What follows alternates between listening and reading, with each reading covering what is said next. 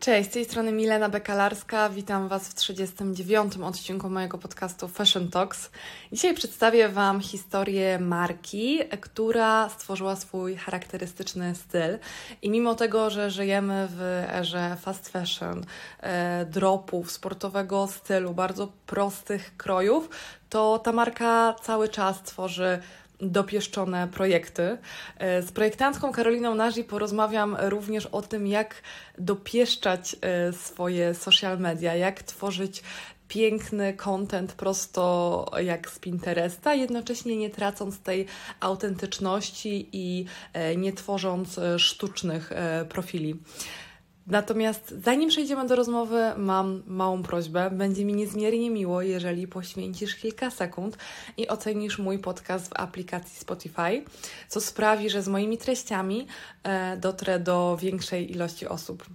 Jeszcze raz dziękuję bardzo i zapraszam do rozmowy. Cześć Karolina. Cześć, cześć Milena. Dziękuję Ci bardzo za zaproszenie. Bardzo mi miło i witam wszystkich słuchaczy.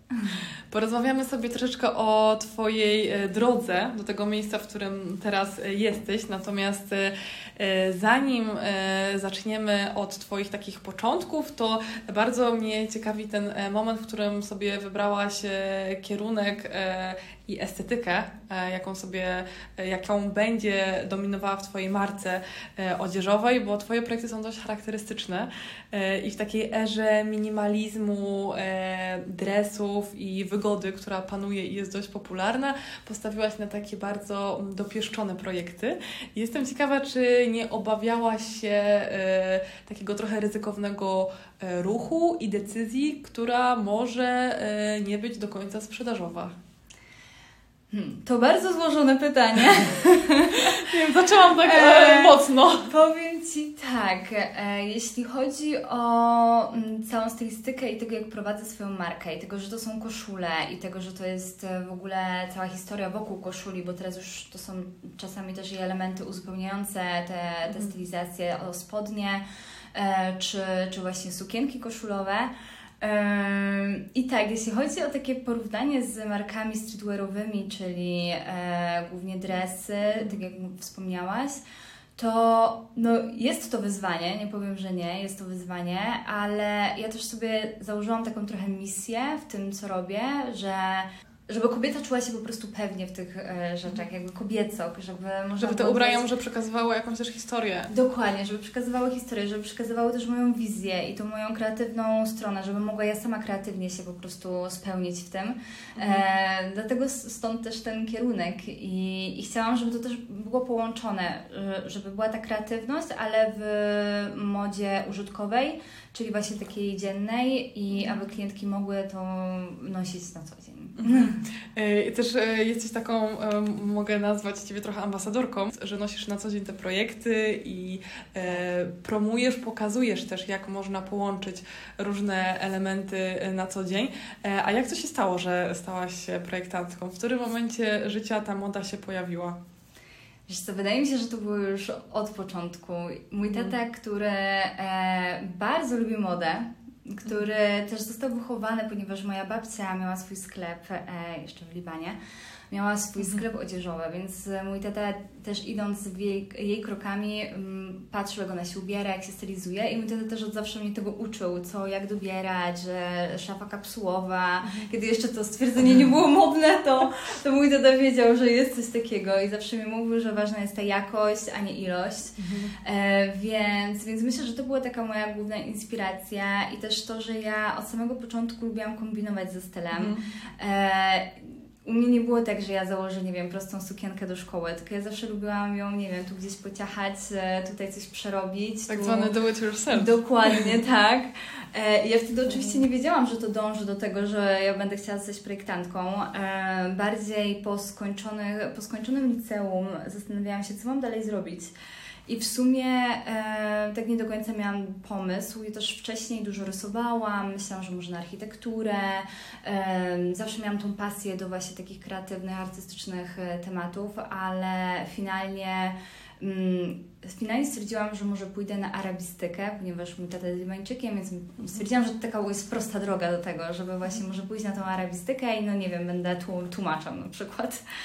E, ale w momencie, kiedy składałam te papiery, to e, powiedziałam mojemu tacie i moim rodzicom w ogóle, że no tak nie do końca chyba to jest to, co ja czuję. Mm. Że to były mm -hmm. takie jeszcze czasy, gdzie nie było Via Mody, nie było MSKPU, e, mm. było tak naprawdę tylko ASP, na które i tak już nie zdążyłam się dostać bo już było po. Musiałam po prostu czekać mhm. jeszcze kolejny rok, żeby się przygotować do, do testów.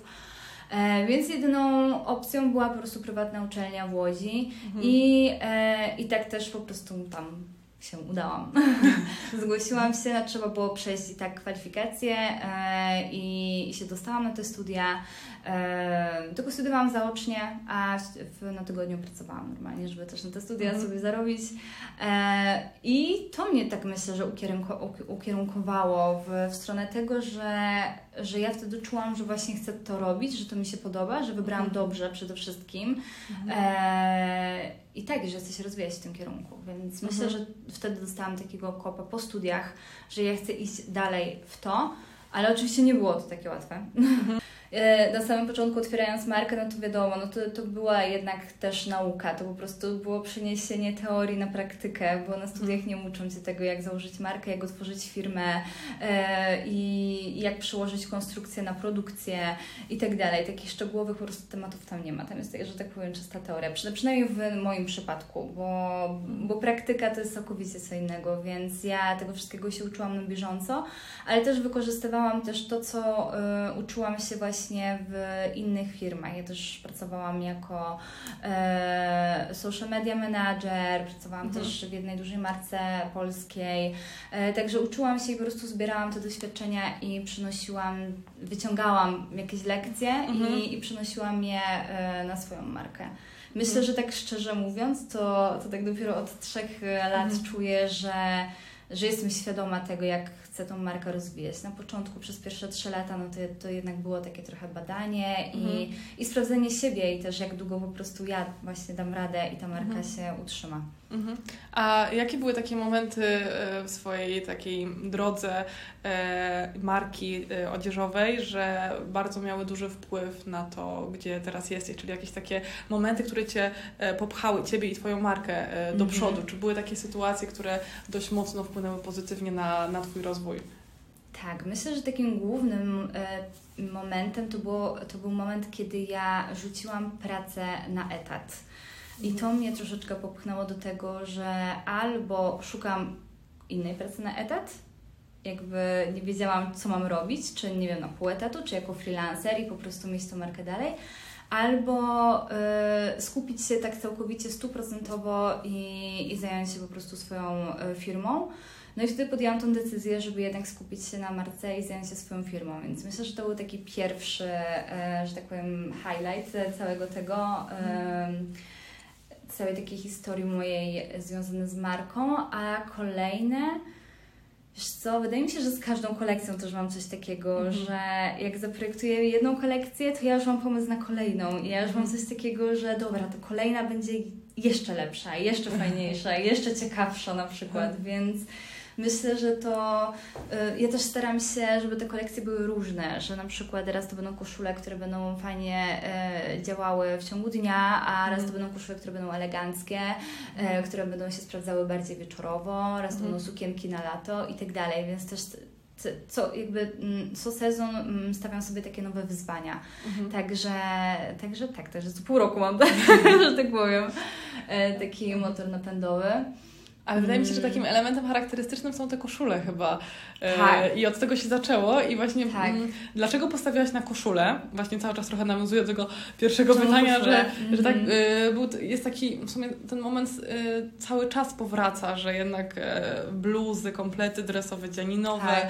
i tak dalej, a Ty postawiłaś na taki element, który może na początku kojarzyć się z jakimś dress ścisłym, mimo że sama osobiście jestem fanką jakichś takich szerokich, oversize'owych koszul, E, ale wydaje mi się, że to nie jest jakby najpopularniejszy element garderoby w szafach Polek.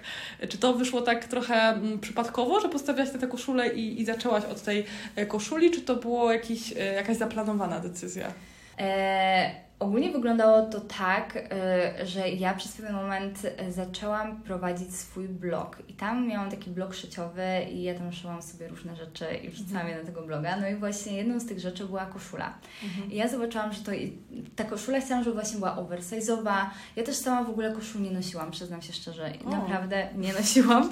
I mi się koszule zawsze kojarzyły z czymś niewygodnym, z mundurkiem ze szkoły na przykład, więc, mhm. e, więc stwierdziłam, że może spróbuję uszyć taki komplet i to właśnie była koszula, właśnie taki piżamowy. E, to była koszula różowa w paski i, e, i spodnie do tego. I co prawda spodnie uszyłam, ale z koszulą już miałam e, większy challenge. Także stwierdziłam, że mo- znaczy to mi dało taką, taki, taka zapaliła mi się żarówka w głowie, że a może to jest kierunek, który bym chciała mhm. pójść. I, I tak, i wtedy zrobiłam research wśród e, polskich marek, e, żeby zobaczyć, czy już takie marki istnieją po prostu. Wtedy było popularne showroom, więc, więc przejrzałam wszystkie marki na showroomie. Mhm. No i widziałam, że nie ma, że są koszule, że są marki, które mają koszule typowo biznesowe. A z jakimi przeszkodami spotkałaś się na początku swojej drogi? E, zawodowej, e, albo może jakie błędy popełniłaś? Czy jest coś, co zrobiłabyś lepiej, e, albo coś, co Cię tak trochę rozczarowało na początku, że nie spodziewałaś się takiego problemu na początku, a ten problem się pojawił? Myślę, że współpraca ze szwalniami to jest temat chyba, temat rzeka ja przeszłam naprawdę wiele, wiele tych współprac i tak naprawdę na samym początku miałam szczęście, ponieważ miałam firmę, z którą naprawdę mi się fajnie współpracowało, znaczy właśnie tą panią krawcową i dopóki to była jedna osoba, to było fajnie, ale w momencie, kiedy już się robi więcej osób, no to te, to już zaczynają się obsuwy jakby w terminach i tak dalej. Mm.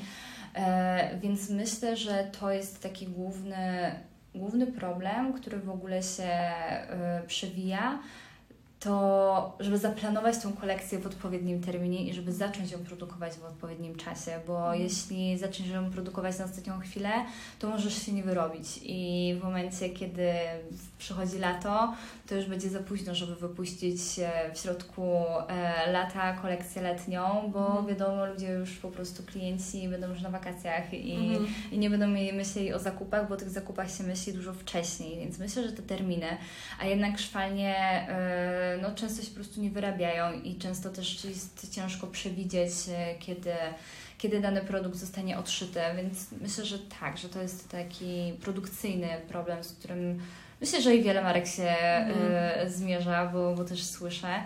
E, więc tak, więc myślę, że to jedno. A z takich innych rzeczy, hmm, Myślę, że ogólnie planowanie budżetu marki to jest chyba mhm. też temat, który ja cały czas sama się uczę, y, ile mhm. powinno się przeznaczyć na tą kolekcję, mhm. ile y, czasami, żeby mnie nie poniosła ta wyobraźnia i żeby jednak ograniczyć tą ilość produktów, bo mhm. wiadomo, ja mogłabym zrobić 50 y, sylwetek ale to nie o to I naj, chodzi. z najdroższych materiałów, Dokładnie, podejrzewam, że oczywiście. jakbyś poszalała wyobraźnią, tak. to tutaj byłoby tak. Dokładnie, ale to, to jest ten właśnie moment, kiedy ja muszę sama sobie pomyśleć, nie no, jednak czasami e, jest ten konflikt pomiędzy projektantem a biznesem, mhm. kiedy musisz pomyśleć sobie, że no dobra, chciałabym zrobić to, to i to, ale biznesowo jakby, wiesz, ta druga strona tak. e, mówi, że, że nie, Karolina, spokojnie, jakby nie wiem, mniejsza ilość, albo zrób na razie tylko w trzech kolorach, a nie w siedmiu, e, więc, więc tak, więc myślę, że to jest też taki temat, z którym się trzeba zmierzać cały mhm. czas. Y, niektóre marki już na początku mają osoby, które pomagają przy projektowaniu, przy tworzeniu, mhm. czyli taka osoba, która stricte tylko zajmuje się tworzeniem kolekcji, czy kiedykolwiek przez myśl przyszło Ci, żeby zaangażować taką osobę, a Ty wtedy byś się e, zajmowała właśnie strategią, kierunkiem, była, byłabyś takim bardziej art dyrektorem e, w swoim brandzie, a miała być taką osobę, która, która powiedzmy przynosi Ci te wszystkie piękne rysunki Twoich kolekcji. Myślałaś kiedyś o tym? Chyba jeszcze nie. Chyba nie. Chyba, wiesz co, na tyle mi to sprawia przyjemność i nie chciałabym jeszcze przekazywać tej pałeczki mm. komuś innemu. Potrzebuję pomocy w, w, trochę innych tematach, na pewno w poszukiwaniu tkanin, w mm. pomocy takiej wizji, żebym ja też mogła się podzielić z kimś swoją wizją i, mm. i myślę, że że w ten sposób, ale nie w ten sposób, żeby ktoś to za mnie robił, a ja żebym tylko patrzyła, czy tak, czy nie. Ja po prostu chcę, żeby to były rzeczy, które ja sama noszę i, mm. i żeby mhm. one po prostu przetrwały jak najdłużej. Mm. Żeby może kiedyś za 10-15 lat ktoś, jak wiesz, znalazł w vintage shopach i zobaczył, ale się znalazł jakiś diament na, na wieszaku, więc, mm. więc tak chciałabym, żeby po prostu to były rzeczy na lata, a nie tak. Mm. A jak duży wpływ ma... Y Twój profil na Instagramie i ogólnie Twoje social media na to, jak się rozwija y, Twoja marka, bo y, od początku komunikowałaś y, na swoich prywatnych kontach, że zakładasz, czy dopiero na przykład po jakimś czasie?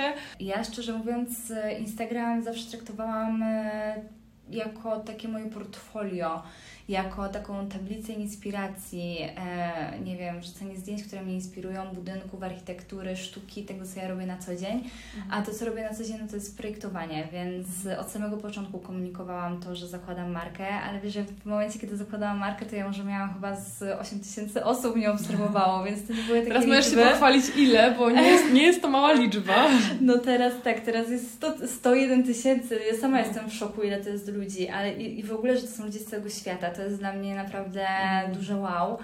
E, ja sama zauważyłam, że po prostu e, mogę pokazywać swoje kolekcje na modelkach, ale jednak sporo klientek oczekuje te zdjęcia na mnie i, i to też tak to właśnie w sumie powstało to moje konto na, na tym Instagramie, że mhm. ja coraz więcej dodałam tych moich stylizacji w koszulach, żeby pokazać że, że te koszule można nosić na co dzień, bo też często klientki mi e, pisały, że o Pani Karolino, ta koszula to taka, ona jest taka elegancka, ja tu bym ją chciała zostawić na specjalną okazję. Ja właśnie chciałabym obalić ten mit tych koszul, że no nie tylko na specjalną okazję, mhm. spróbuj założyć tą koszulę do e, trampek, konwersów, e, nie wiem, szerokich spodni, kamizelki i, i stworzyć taki look, który po prostu jest na co dzień.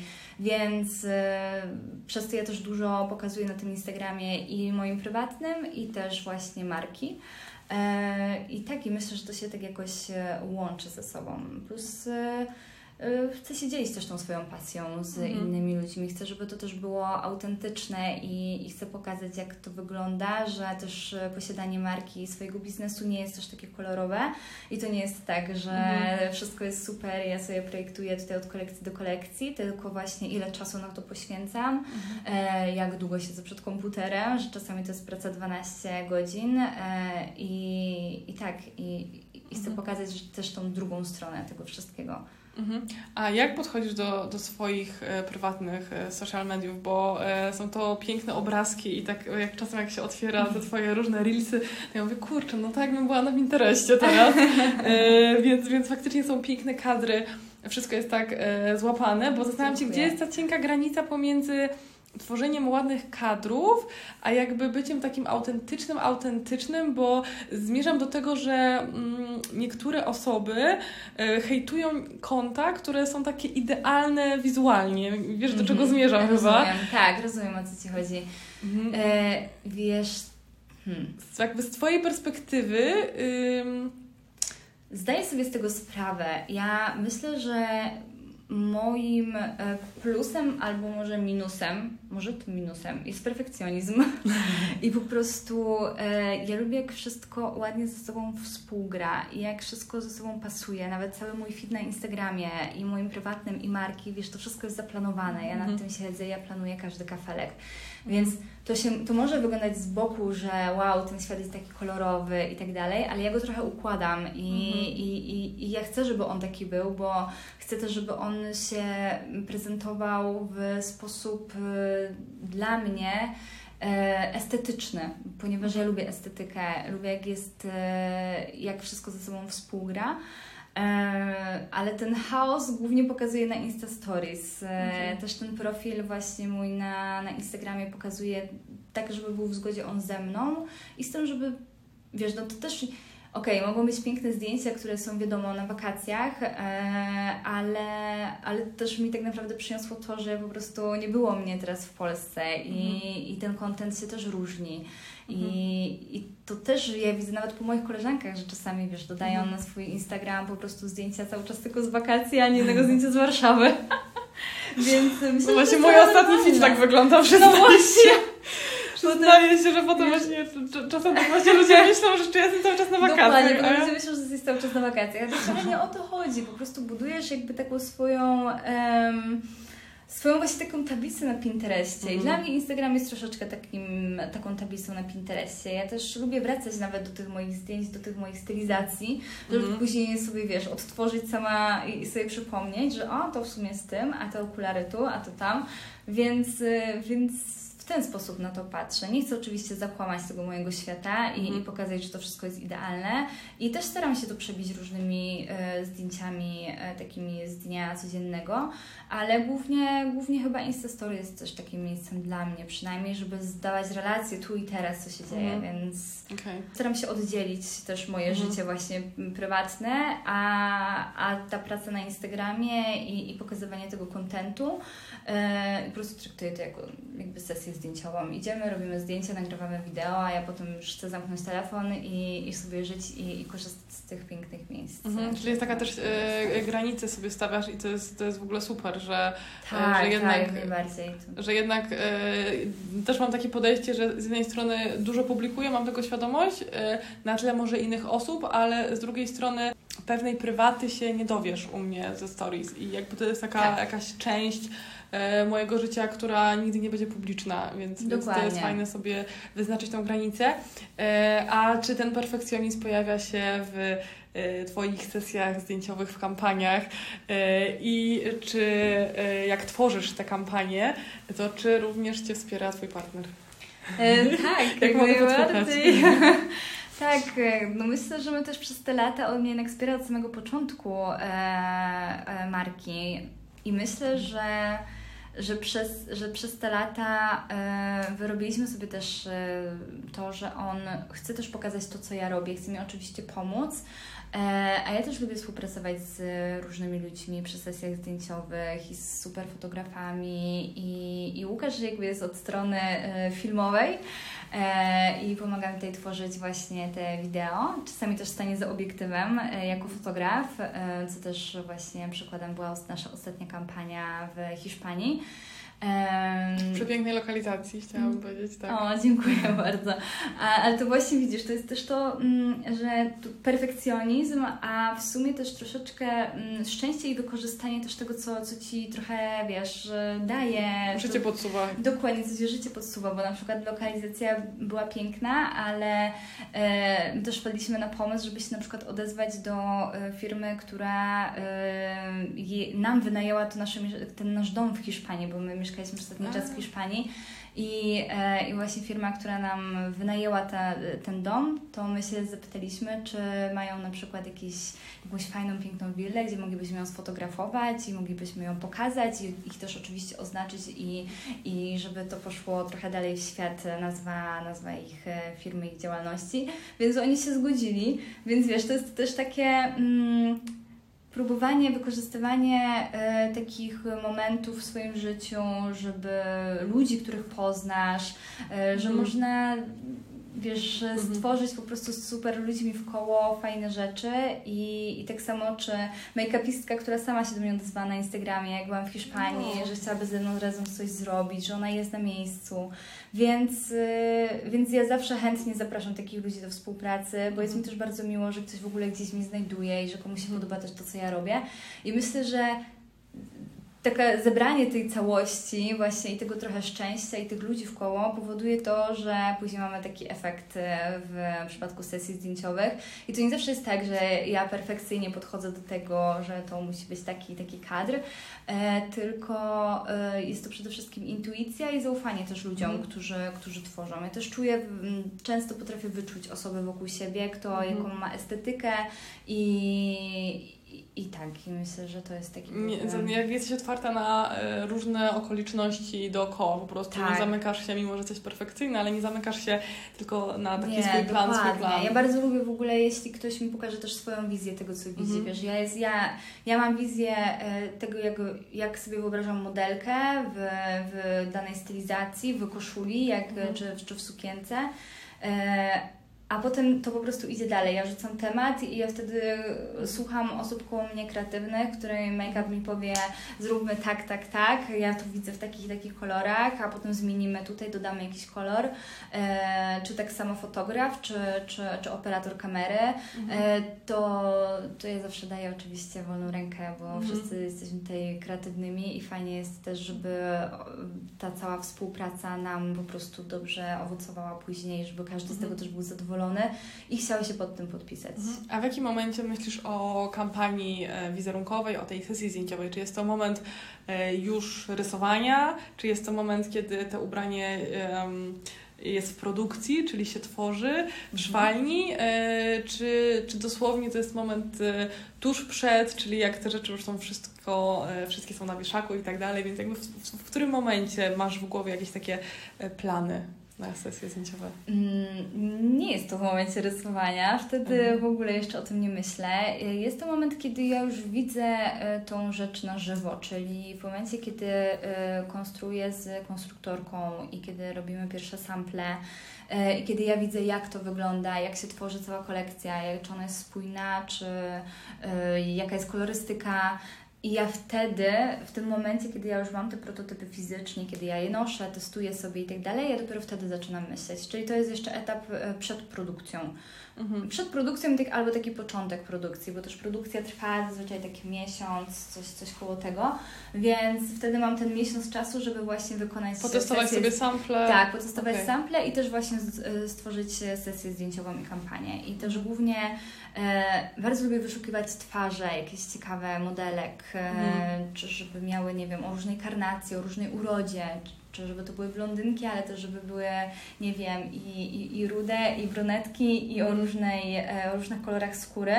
E, I, i tak, chciałabym, żeby po prostu na mojej stronie też, żeby była ta różnorodność. Jedną nogą mam wrażenie, jesteś w Warszawie, e, drugą nogą chyba jeszcze nie zdecydowałaś, gdzie chcesz być. Tak. E, jak to się stało, że mieszkałaś e, poza Polską? Jaki to też miało wpływ na rozwój Twojej marki? Stało się to tak, że ja przez już pewien moment czułam troszeczkę tutaj w Warszawie, mm, że za bardzo je, za bardzo mam taki dzień świstaka, że po prostu mój dzień wygląda codziennie tak samo, e, że ja pracuję sama, nie mam tych takich e, bodźców zewnętrznych, bo ja nie chodzę do biura, nie, nie otaczam się ludźmi, wielką ekipą i tak dalej, więc e, ja muszę sobie znaleźć te wszystkie inspiracje w innych miejscach i stwierdziłam też, że to jest taki moment teraz, kiedy jestem ja, mój partner i pies, e, mm. że tak powiem, przed jakimiś poważniejszymi decyzjami w przyszłości, że to jest ten jedyny moment, kiedy możemy jeszcze spróbować. E, oczywiście nie mówię, że kiedy by na przykład byłyby dzieci, to, to by się nie dało, ale wiadomo, byłoby ciężej. Mhm. Ale że to jest ten moment, aby spróbować e, pożyć w innym miejscu, bo ja mhm. też zawsze o tym marzyłam. Też e, mhm Mój tata nie jest Polakiem, on z... Masz te korzenie tak, nie do końca więc, tylko polskie. Dokładnie, więc mnie zawsze też ciągnie jednak w te, w te kraje pośródziemnomorskie. E, czy też moja mama, która mieszka na co dzień w Madrycie od 6 lat, ona też jest dla mnie takim punktem zapalnym do tego, żeby może się przeprowadzić na przykład do Madrytu. E, więc e, stwierdziłam, że to będzie taki rok, kiedy my spróbujemy i zobaczymy, czy nasze serce gdzieś będzie chciało zostać i jak nam się w ogóle będzie żyć w, w takim, takim trybem. I no, spróbowaliśmy, żyliśmy tak przez rok. Najpierw to, była, najpierw to były Włochy e, i w sumie tak podróżowaliśmy od północy do południa e, i myśleliśmy, że na tym się skończy nasza historia podróżnicza, a jednak, stwierdzi, a jednak e, E, pojawiła się, pojawił się pomysł jeszcze Hiszpanii, więc jeszcze ruszyliśmy do Hiszpanii, ale już chcieliśmy, żeby to było bardziej stabilnie, bo jednak te, te Włochy były tak, że my co trzy miesiące zmienialiśmy lokalizację i szczerze mówiąc pakowanie za każdym razem próbek tkanin i całego mojego biura, które po prostu woziłam ze sobą, no to, to nie było łatwe. E, I też znalezienie takiej swojej rutyny.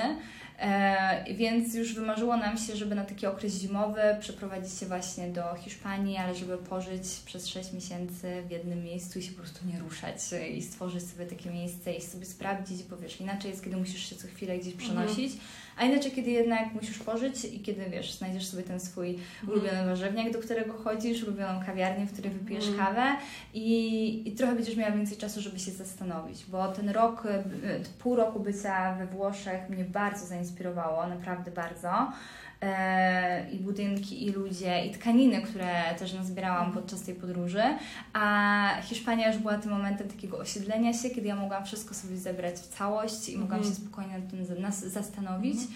I też nie miałam tych bodźców zewnętrznych, które miałam tutaj w Warszawie, że e, nie wiem, tu spotkania, tu przyjaciele, tu cały czas coś.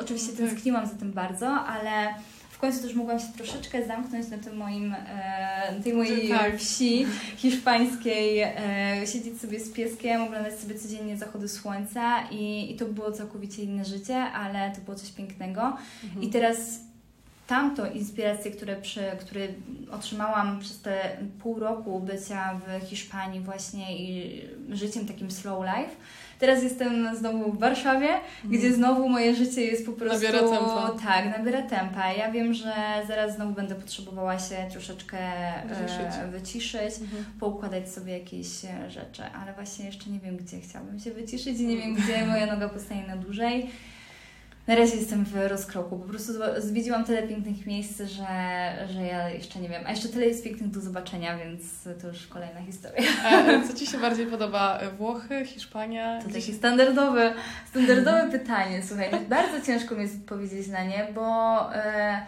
pomimo wszystko Włochy i Hiszpania to są zupełnie dwa inne jednak mhm. kraje. Pomimo tego, że mają siesty, oboje, e, oba te państwa mają siesty mhm. i, i podobne, e, podobnie pracują, mają system pracy, to jednak to są dwa, e, dwa różne charaktery, tak, inna estetyka. Mhm. Włosi są bardziej jednak tacy, um, bardziej dbają o ten styl swój, bardziej to jest takie gustowne mam wrażenie i tak e, dbają o to, żeby to wszystko do siebie pasowało.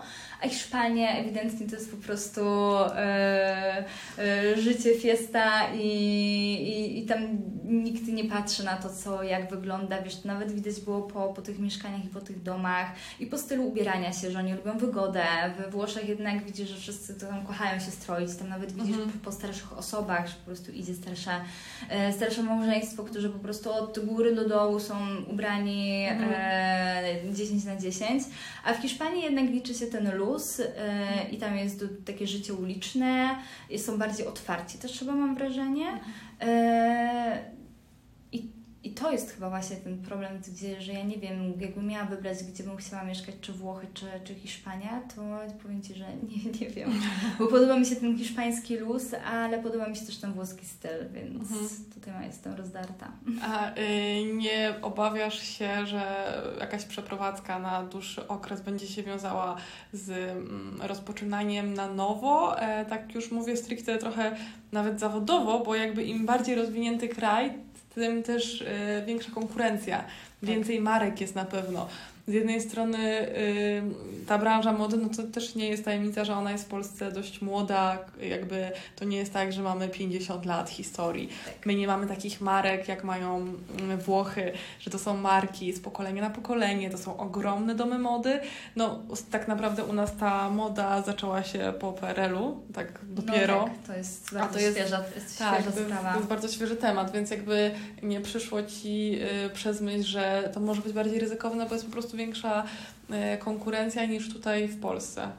Przeszło mi przez myśl oczywiście, że tak. I, i to jest też to, nad czym się zastanawiam e, czasami, bo wiem, że tutaj w Polsce, yy, wiesz, mam, mam już wyrobione kontakty, wiem do kogo się odezwać po metki i tak dalej, wiesz, po jakieś takie swoje produkcyjne tematy, więc wiem, że produkcję chciałabym zostawić w Polsce, ale chciałabym po prostu promować tę markę na zagranicę i, i zobaczymy, jak to wyjdzie. Jakby nie do końca obawiam się tej konkurencji, która może być w Hiszpanii, może we Włoszech e, myślę o tym faktycznie, że tam są te duże, te wielkie domy mody i, i też społeczeństwo włoskie jest całkowicie inaczej przyzwyczajone do tej mody mhm. niż, niż tutaj w Polsce. Tutaj w Polsce ja widzę, że my też bardzo wspieramy nasze rodzime marki, a nie wiem, czy tak na przykład jest w Hiszpanii i nie wiem, czy tak jest też we Włoszech. Mhm. E, myślę, że dopiero się tego dowiem, kiedy ja już zacznę tam sprzedawać, kiedy wiesz, chodząc po butikach i, i oglądając projekty innych marek, ja widzę, że te rzeczy są bardzo różnorodne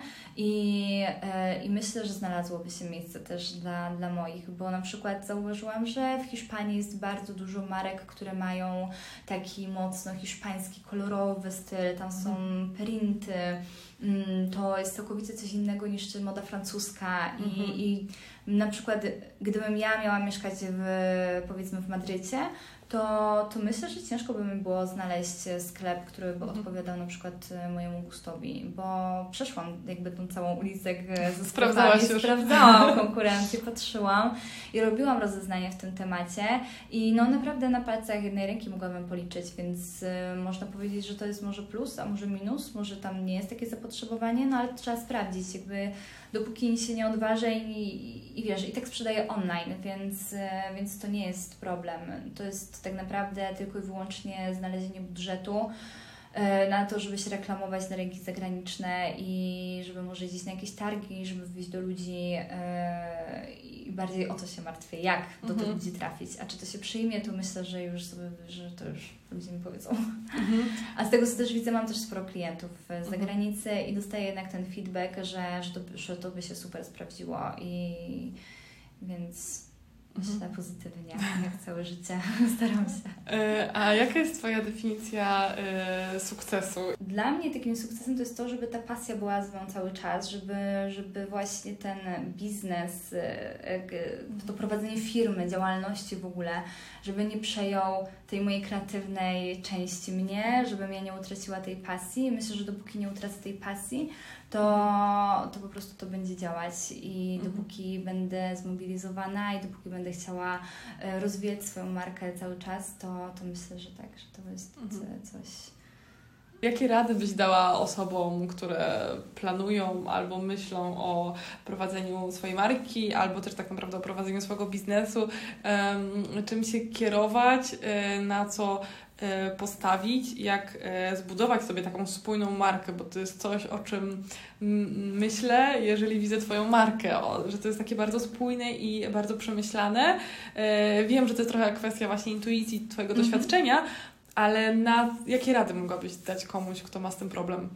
Myślę, że przede wszystkim właśnie słuchać siebie, e, żeby to był też Twój styl, żeby nie udawać kogoś innego, kim się nie jest, albo nie iść z trendami, które są, że nie wiem, teraz ta kolekcja jest e, w takim stylu, no to będę robić taki, a potem pójdę w bardziej streetwear, a potem w paryski, bo to się sprzedaje. Nie, iść po prostu swoim, e, swoim stylem, tym, co, co lubi się na co dzień, tym, co inspiruje Cię na co dzień, bo dzięki temu też rozwijasz w środku tą swoją część, swoją pasję i te trendy już później przestają Cię obchodzić, bo Ty sama sobie je po prostu zaczynasz tworzyć Mhm. i, i sama zaczynasz myśleć o tym i rozwijać swoje projekty, bo ja też czuję, że moje projekty całkowicie już się różnią od tych pierwszych e, niż te, które są teraz. Chcę, Mhm. żeby one były bardziej innowacyjne, żeby, żeby to były rzeczy, które można nosić na wiele sposobów i tak dalej. I czuję, że na przykład to jest coś, co rozwinęłam przez te lata, więc e, tylko, że ja właśnie cały czas szłam tym swoim jednym e, stylem i myślę, że to jest takie ważne, żeby iść za tą swoją intuicją. E, oczywiście warto słuchać osób po drodze i, i brać sobie e, różne Rady mieć, tak, różne ragi, rady i mieć e, uwagę na to, co, co mówią Ci inni. E, warto słuchać, ponieważ no, to będzie jednak Twoja publiczność i Twoja klientela, ale przede wszystkim to jest ta intuicja i, Mhm. i też to, żeby się wyróżniać. Myślę, że teraz w tym momencie to, e, to, to jest chyba najważniejsze, żeby faktycznie się wyróżniać i nie patrzeć na, na innych, na konkurencję, tylko po Mhm. prostu czu, czuć to co, to, co robisz i iść za tym. Mhm. To ja życzę Ci, żebyś nigdy nie straciła tej pasji, Dziękuję bardzo. e, żebyś e, znalazła swoje miejsce na świecie i żebyś znalazła asystentkę. No, dobrze, to się okaże już niedługo. Dzięki pięknie. Tak, więc dziękuję Ci e, pięknie za rozmowę Ja i, również. i, i do usłyszenia, do zobaczenia. Na razie, cześć.